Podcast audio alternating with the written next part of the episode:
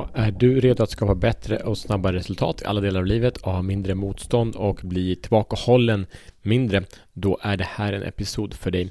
Välkommen till Show the Fuck Up Podcast. Jag heter Mattias Fyrön och det här är en podd för män som är redo att frigöra sig själva från sina inre begränsningar och börja leda sina liv för att skapa skillnad för sig själv och sina närstående. Välkommen!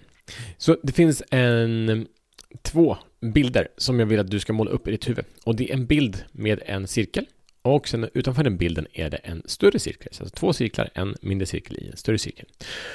Och eh, genom att sätta fokus på rätt sak, rätt område här så kommer du kunna transformera eh, ditt liv på väldigt, väldigt kort tid med väldigt enkla metoder. Det som den yttre cirkeln symboliserar är hela världen. Det är allting som har med det att göra direkt eller indirekt. Det har med eh, klimatförändringar, det har med alltså vattennivåer, Eh, det har med temperatur, sol, regn eller vad det nu är. Det har med hur dina människor i din närmiljö, din familj mår. Det har med eh, resultaten du skapar. Och så vidare. Det handlar om vem som får sparken, vem som blir eh, president eh, eller premiärminister eller statsminister för den delen också. Um, så allting som händer i världen direkt eller indirekt påverkar dig finns i den yttre cirkeln. Problemet är att allt lidande, frustration finns i hos människor som fokuserar på den yttre cirkeln, alltså saker som har med dem att göra.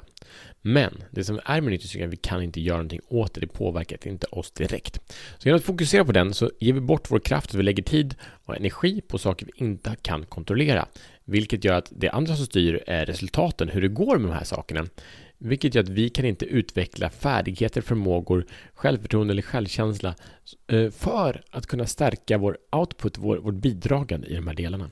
Vilket helt enkelt leder till ökad frustration och en känsla av att inte veta vad man håller på med.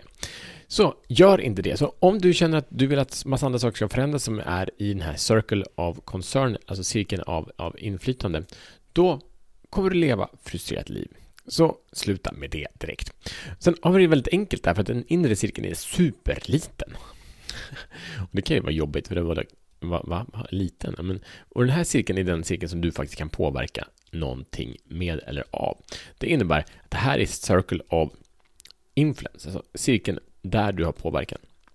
Och det vi kan göra egentligen, det påverkar våra tankar, våra känslor och våra handlingar.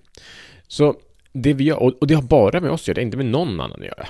Inte alls.